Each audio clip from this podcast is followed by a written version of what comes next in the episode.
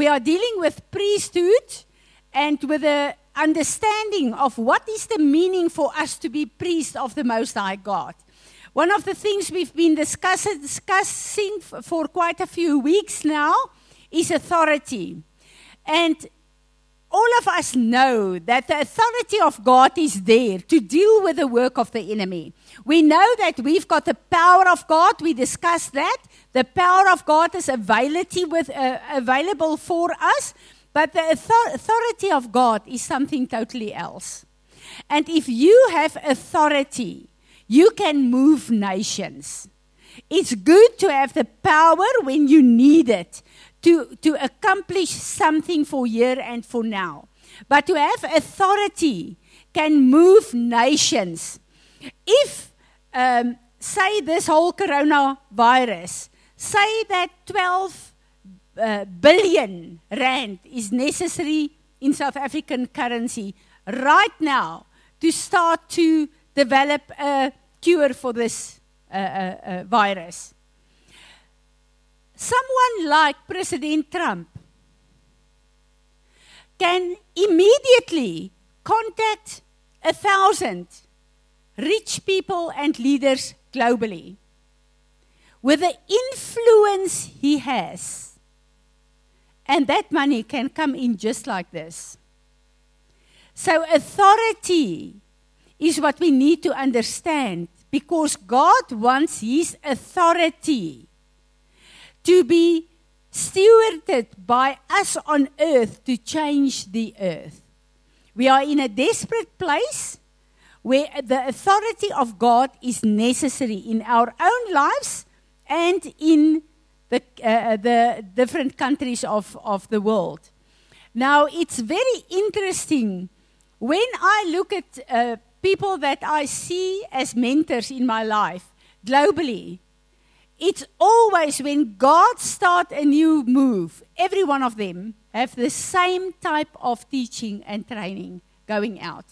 And then we know, wow, we are absolutely in line with what God released right now. So I listened to Perry Stone. And what is he doing? He's speaking on authority. And how do you gain authority? Now, last week we mentioned this whole thing that uh, Tim is doing. I see he's got a new thing on. I didn't listen to it, uh, it yet. Um, uh, and just on this topic, please uh, pray. Uh, Tim and Dr. Richard Gert at this stage will not be able to come through for the conference the end of the month. So um, uh, just pray for wisdom for Apostle Natasha and how we are going to deal with this whole thing because uh, President Trump is closing down the uh, borders of America. Um, yeah, and one of the things that really is, is uh, touching my heart very deeply, I don't know if Ansi know this yet, and her brother that's so sick is on his way to South Africa actually to come and greet um, his family. And he will not be able to come um, if I see what's going on now. And I think that will be uh, terrible for her and the family. So please pray for Ansi as well. Um, losing what I wanted to say. So when we look at this authority, and uh, what I saw with, uh, with uh, Perry Stone, he had a, a, brilliant teaching of the three altars. That's very significant in our lives. And one of that being the altar of incense, the, uh, of course, the altar where we would now at the altar of incense, praising God, worshiping Him. This is the nice thing we want to do. But the altar of sacrifice is the most important altar in our lives if we want to grow in authority. And it's so sad that when people come into church, they come with this whole expect, uh, expectancy. I want a nice praise and worship service. I want a nice word. I want. I really want to feel the presence of God. We are all guilty. This is what we do.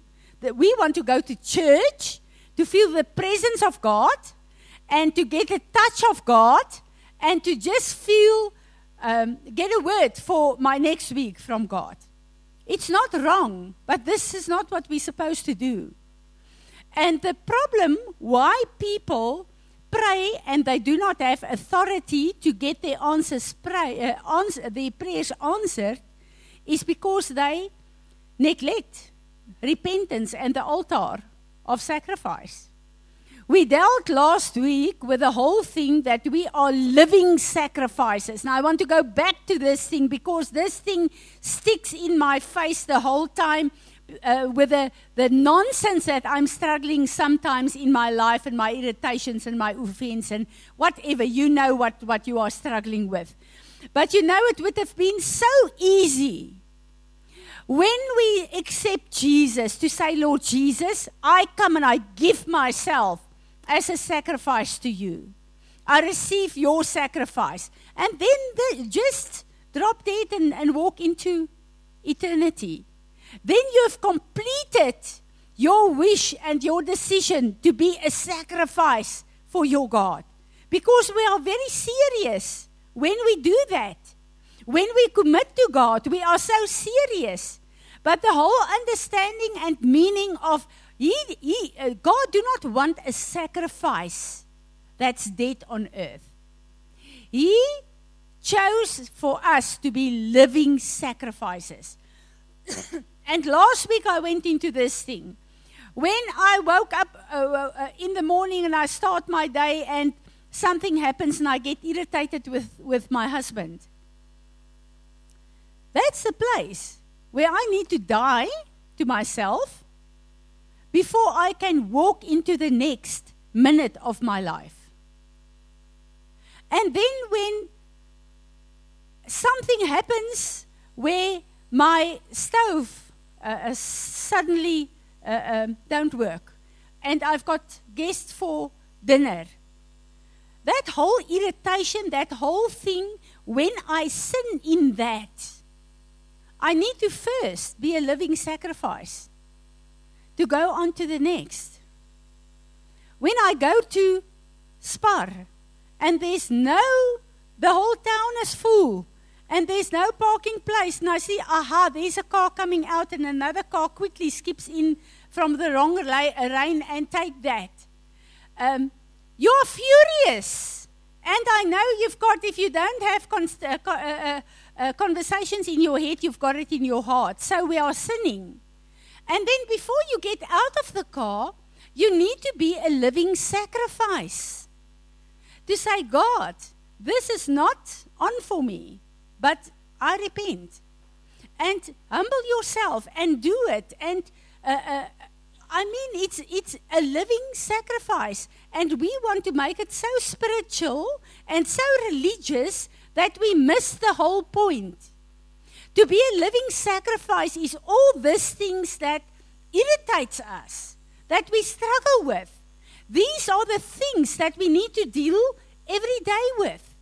You know, one of the things that uh, just can blow my mind is if is when when when uh, um, I don't want to hammer on you on If he hear this, he's not going to be satisfied. But but uh, to say a thousand times the same thing and they are still doing it wrong the whole time and irritating you. S- uh, the same with the children. You feel like you keep on disciplining them, and their undisciplined life confuse your life and your day. and you just want to get this fixed. To be a living sacrifice means that every time we sin, we need to get on that altar and say, God, Come and burn. Come and kill my flesh. Come and kill my flesh. This is what we need to do. But we want to make the living sacrifice something that's spiritual. And this is why, one of the biggest reasons why we have so many unanswered prayers. Because we've got a prayer, a powerless prayer life.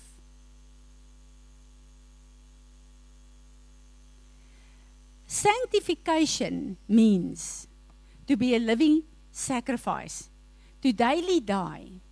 And the more we die, the more we look like Jesus. Now, the Father is interested in the measure of Jesus Christ in you and in me.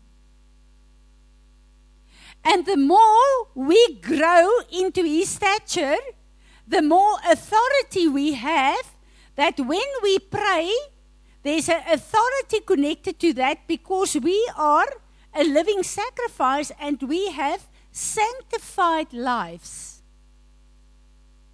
And I think this is one of the things that God is highlighting in my life. There are certain things in the past season that we could have get away with. Now, it's not right, but it's not really, you know, all those compromising gray areas. I'm telling you, if God called us to war the beginning of January this year, it means that we need to address ourselves in the protocol of this army, or the enemy will take us out. It's time, guys, to really ask Holy Spirit to show us in our lives what is in our lives that's not acceptable to our God. Ephesians 2, verse 6 says, And he raised us up together with him when we believed and seated us with him in heavenly places because we are in Christ. I'm meditating on this word. This is the place that Jesus bought us out of the world to be seated in Him. Now, this is my question and my problem with Francie van Wyk. If I get in a place where I am drawn into a place where I gossip with other people about someone, am I still in that place? That's a holy place. Am I getting out of that place through my sin? It's in Christ that I have authority over everything. Is that not right? Now, if I choose to sin, am I'm still sitting in Christ? I cannot. Not in the spirit, because that is a place of victory. That's a holy place. So, with the sin that I do, I choose to get out of Him. And then I'm an open target for the enemy. And out of Him, I can pray and praise God, and do I still have an effect? If the word teach us that God looks at you and me through the blood of Jesus, is that right? When am I out of that place? When I sin. Can you see why God tells us in, I think it's Hebrew 4, verse 12? You have not struggled with sin unto blood. You are not that serious to struggle until you bleed to stop sin in your life. What is the meaning of that place? What did Jesus do before he went to Calvary? In Gethsemane, he struggled with his flesh, his carnality. And he said, God, if it's possible, I don't want to do this. His will was not to go through that crucifixion, like us as humans. But he struggled with his flesh until he started bleeding sweat. Hebrew 12 4. He struggled until the blood came out of him to say, I will crucify my flesh, my will, before I go with this body to be crucified on the cross. I'm telling you, I think it's easier to go to the cross than to crucify your flesh before you go to the cross. Because if you do not crucify your flesh, you will not go to the cross. now, if we look at this, Jesus could fulfill his destiny the minute that he crucified his flesh, his carnality. Can you then understand why the, the writer of uh, the book of Hebrew says we need to struggle against sin, to get sin out of our lives, to a place where we will sweat blood? I don't know that place. Because things are too easy for us. And I realize that there are certain things that we need to come and say, God, I'm not satisfied with this and this and this in my life. Teach me and help me. I want to give my whole life, my soul, spirit, and my body, I want to commit it to you. I want to be a level of priesthood where you can put me in a place where I will be your vessel on earth, where you can give me your word. And the minute that your word goes out from my mouth, it will be accomplished. This is what God is seeking. On Sunday, I spoke, and last week I spoke about there's a priesthood out there that a satanic priesthood that did a lot of rituals. Up to now, more than 90,000 people, I think it's 95,000 now, are infected with this virus that can die. What sacrifices did they bring? We, as the Church of Jesus Christ, have all the power. Why? Can we not stand up and say, God, we will be your priest. We will not allow the enemy to kill that many people. This is nonsense. You have called us. We've got your word. We've got the cross of Calvary that is completed. We've got that victory. Help us to understand in my own life first, and then as your body, what you are calling us to be. And I believe that up to now, it was awesome to be intercessors. But I think we are going into a new level of understanding intercession because it will be connected to sanctification as well. And I think if we look at South Africa, that's supposed to be a nation of 70% Christians, we are a laugh stock in the eyes of the world. And I believe God wants to change this.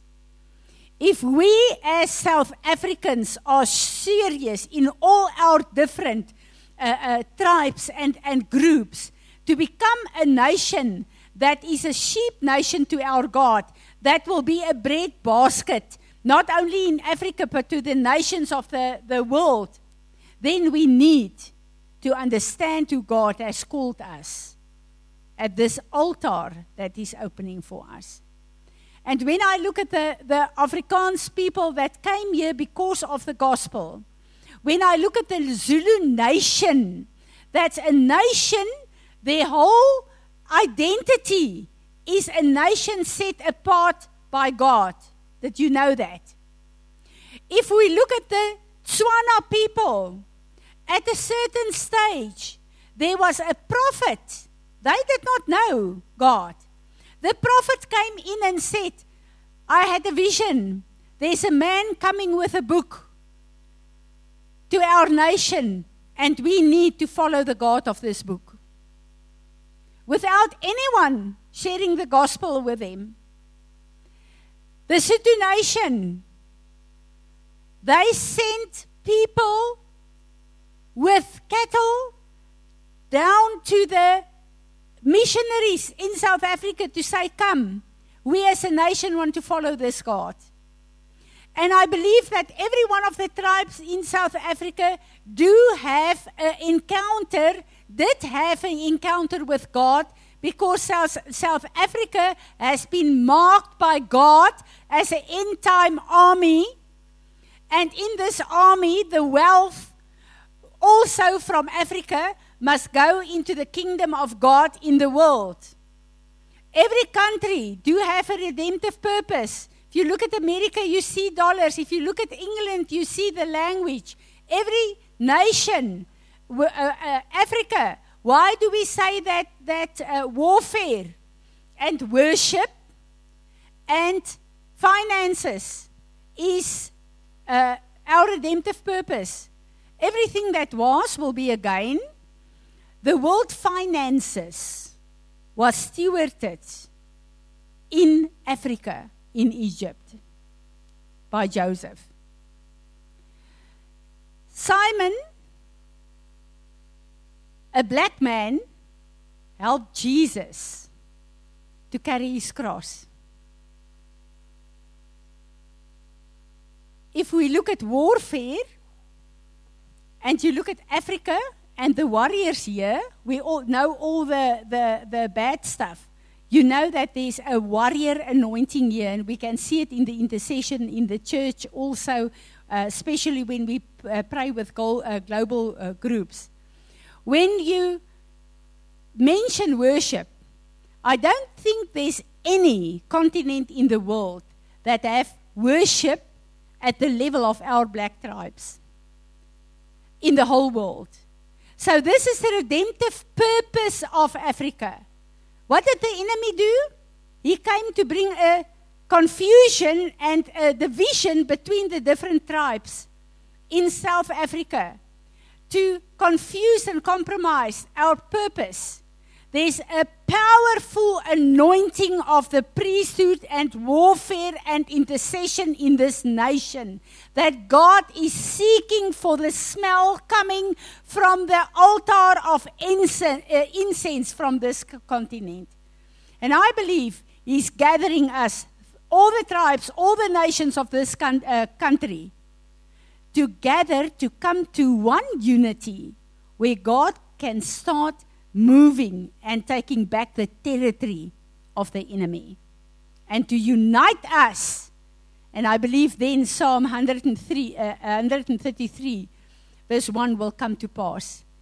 Where there is a unity in God, God commands His blessing. He commands His blessing. And I believe this is what God is setting up for this nation. I had such a lot of uh, turn offs here.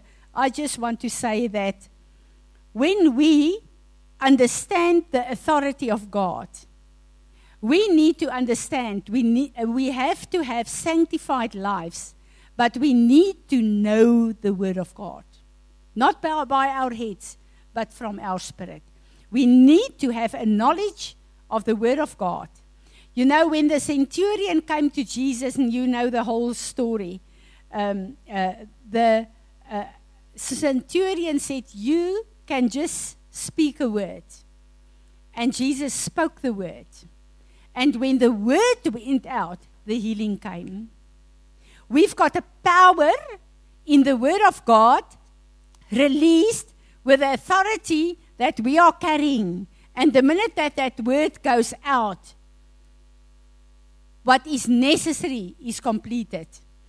In Psalm 19, verse 14, this is such a very interesting but a precious scripture that we as intercessors need to daily pray. Let the words of my mouth and the meditation of my heart be acceptable and pleasing in your sight, O my Lord, my rock and immovable, firm and my Redeemer. The words of our mouth is so important. We need to make sure that it's acceptable and pleasing to God because there's an authority and a power connected to our words. Hebrew 4, verse 12, we know this. The word of God is, a, is living and active, sharper than any two sworded uh, edged sword, piercing to the division of soul and of spirit, of joints and marrow, and discerning the thoughts and intentions of the heart. You know, when we look at this uh, scripture, it's wonderful to see the Word of God as a sword, and where it's uh, literally to sever us from wrong stuff, but to kill the enemy and to destroy the enemy. But do you realize that the Word of God is for, uh, given to us because we are a living sacrifice? And this word in Hebrew says the Word of God is living and active. We've got the Word of God living and active in every situation where we need to kill our flesh. So, everything wrong, we can kill it with the Word of God. But the Word of God is there to sustain us as well. 2 Timothy 3, verse 6. All scripture is breathed out by God and profitable for teaching, for reproof, for correction, and for training in righteousness. We are reading the scripture, but do you re- realize as I read the scripture in Timothy, God is breathing over us? It's His life, His very life, that is actually sending out over each and every one of us. Where the Spirit is, there is life. Isn't this awesome? It's awesome. Romans 10, verse 17. So faith comes by hearing, and hearing through the Word of God. We cannot have faith in nothing if it's not connected to words. So, the Word of God, the more we understand and learn and hear the Word of God, we raise to a level of faith that pleases God. Without that, we will have no faith. Psalm 107, verse 19 and 20. Then they cried out to the Lord in their trouble, and He saved them from their distresses. This is a word for some of us in here. Now, listen to the next part of this word. God sent His word and healed them and rescued them from their destruction. Every time we call out for healing or deliverance to God, He sends His word to come and help us. And this is why a lot of times when we call out in intercession and cry before God, there's suddenly a scripture dropping in your spirit. Who of you know that? The meaning of that is speak it out through your mouth because this is the weapon that God used to change your situation. Romans 1 verse 16 For I am not ashamed of the gospel, for it is the power of salvation to everyone who hear and believe. The word of God have a power connected to it. The minute that we speak out that word, it's got the power to save people from darkness to light. What Villas uh, preached this morning. We need to understand that we have authority through the Word of God, because the Word is Jesus, the Word has the anointing on it. The Word can heal, can deliver, can transform us, can restore us. The power of His Word through the authority of our connected lives to Him through our lives of sanctification and daily sacrificing our carnal flesh and killing it. And I pray that God will land one thing this morning on us that living sacrifice will be highlighted in our minds daily. Every time we take offense, first kill yourself before you go to the next thing or else there's such a lot of things building up in us. And this compromises the authority we have whenever God wants us to pray. Amen. Anyone with a word?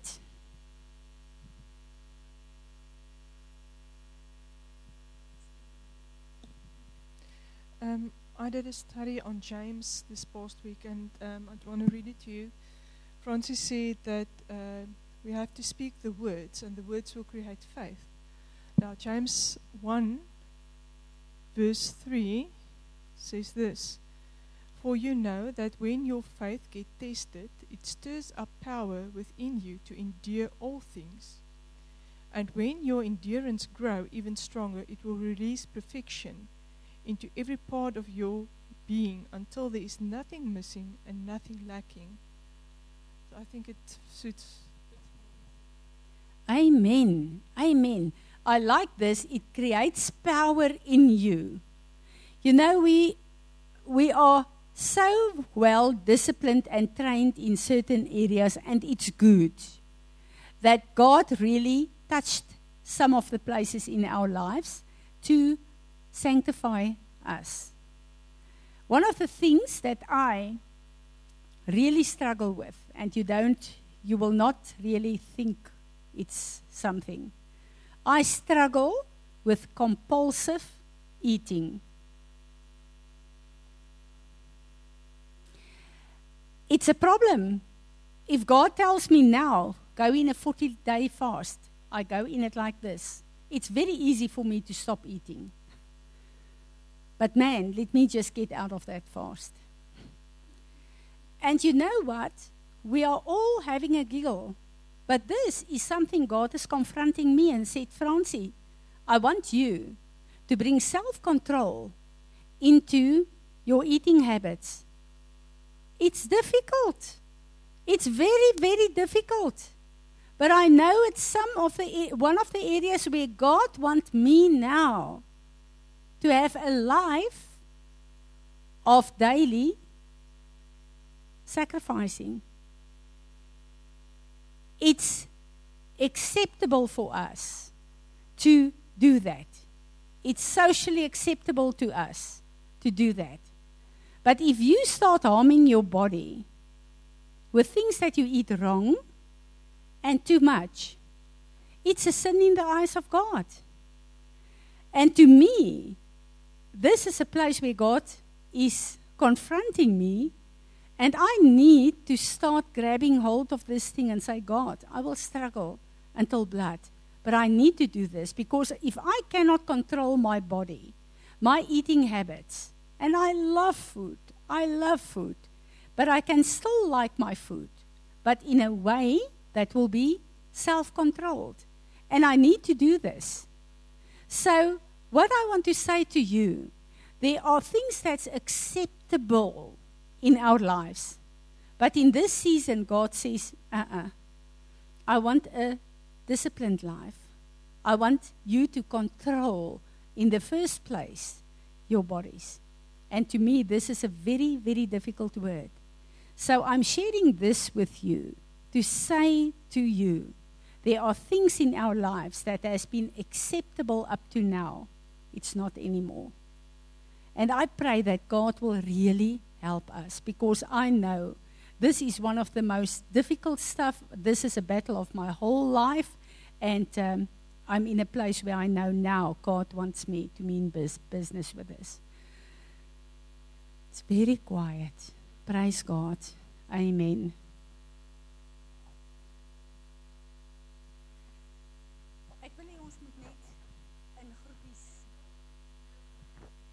Great. Is it still on the CD? Did you put it off? Okay. Let Villa just come and share, and then I want us to really just uh, uh, pray. We are going to take a few minutes to pray for this coronavirus.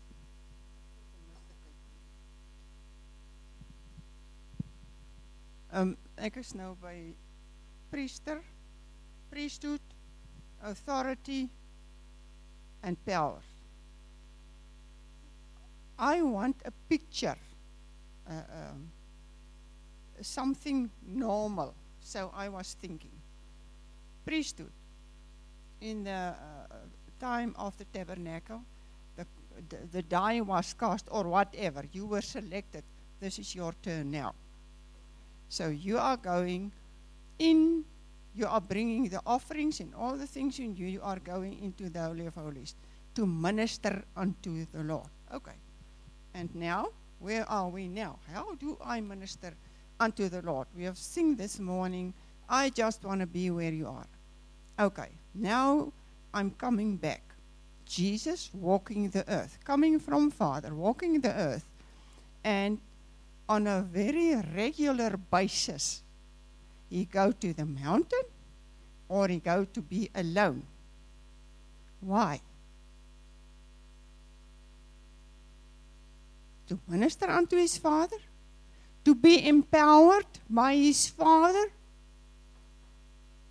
And when he came out of that place, he go and be healed in Jesus' name.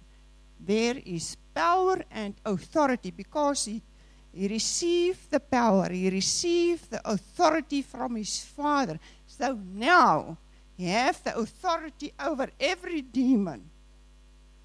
This is my picture I'm forming in my mind. Thank you, Vella.